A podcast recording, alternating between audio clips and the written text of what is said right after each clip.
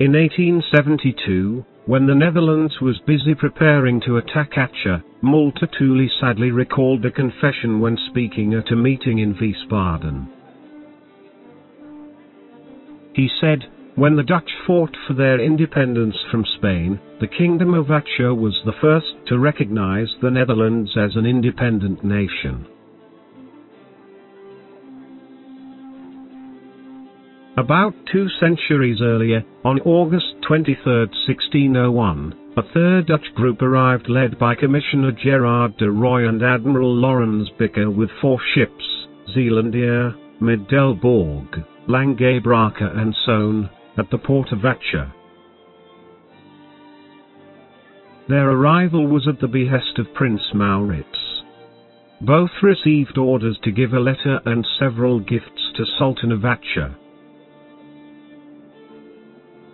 The letter is in the form of a charter decorated with beautiful hand carvings with flower letters, made by golden ink, and signed by Prince Maurits himself.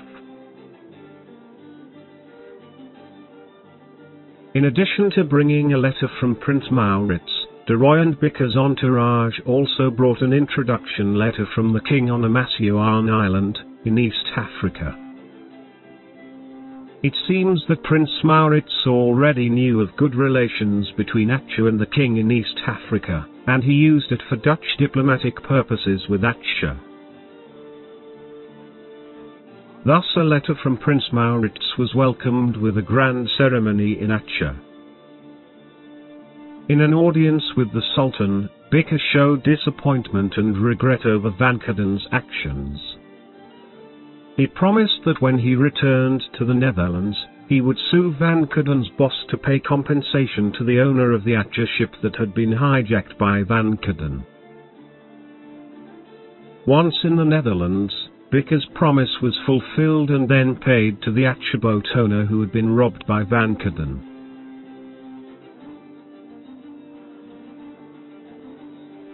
Through this diplomatic mission Bicker was also able to free Frederick de Houtman and eight other Dutch prisoners in Aceh.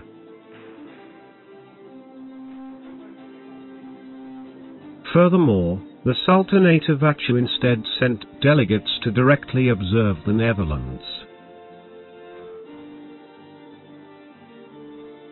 On the 20th of July 1602, a group of Dutch ships together with the Aceh delegation arrived safely in Zeeland, the Netherlands.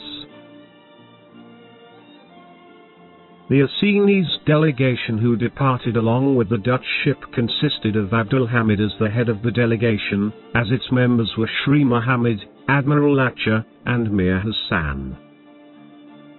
In addition, an interpreter named Leonard Werner alias Pusk Kamis, from Luxembourg joined the delegation in Aceh. Also participate in the entourage of accompanists as needed and not miss the Arab merchants.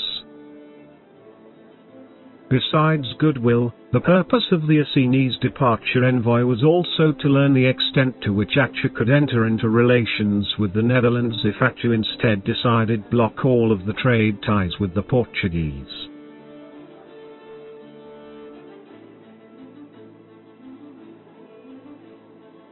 Emmanuel van Meteren told of the Sultan's desire through the Aceh delegation to find out whether or not the Portuguese story said that, that there are no white people apart from citizens shelter under the King of Spain and the Portuguese, for which reason they assume that our nation is a mere pirate, until later they themselves get to know the truth. During the Aceh delegation's visit, Prince Maurits was on the battlefield with a large headquarters in a village called Gravenhage, and the Aceh delegation wanted to meet Maurits directly at his place. Accompanied by the Dutch, on September 1, 1602, a delegation from Middelburg departed for the Maurits headquarters. And, Prince Maurits had arranged a welcome ceremony which was quite flashy on that occasion submitted letters and all gifts. To the Aceh delegation Maurits shown the results of the war against Spain and also paid attention to the battlefield. The Aceh delegation also used the opportunity to observe the cities and villages in the Netherlands. Then, after being around for 16 months, until the 18th of December 1603, the Aceh delegation visiting the Netherlands returned with Stephen van der Hogen's entourage. On their way home, Stephen van der Hogens also visited India, where the Dutch also succeeded in getting from the Sultan of Aceh an introduction letter to Sultan Akbar, one of the great kings in India at that time. At this time the Sultan of Aceh did have a very close relationship with Sultan Akbar. So, with the introductory letter the Dutch received trading facilities in major cities in India, such as Cambay or Gujarat. Also the Sultan had willingly given a letter of introduction to the Dutch envoy for the Calicut king, the kings of Bengal and Ceylon.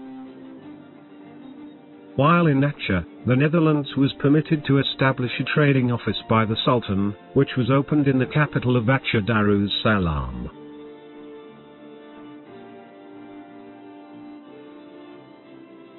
In the departure of the Acehnese envoy to the Netherlands, it can be noted that the sovereign kingdom first recognized the birth of a newly sovereign Dutch state at that time by de jure and de facto is the Kingdom of Aceh. In fact, the Dutch economy and international relations were greatly helped by Aceh.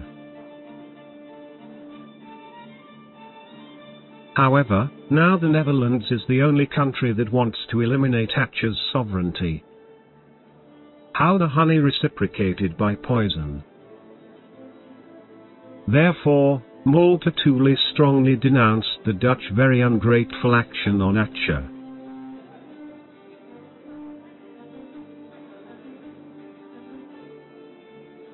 According to Deroux, Prince Maurits's letter was discovered when the Palace of Aceh was occupied by the Dutch in 1874 and stored in good condition. The letter was met by a Dutch fusilier when the invasion was held. Then, he sold it to elder scheme-maker who had bought the manuscript for the government of the Dutch East Indies. This letter was written in Spanish which contained Prince Maurits's remorse for the bad behavior of the Dutch people in Aceh, requesting improved relations between the Netherlands and Aceh, willingness to pay compensation to make up for the previous bad behavior of the Dutch in Aceh, and to deliver various gifts.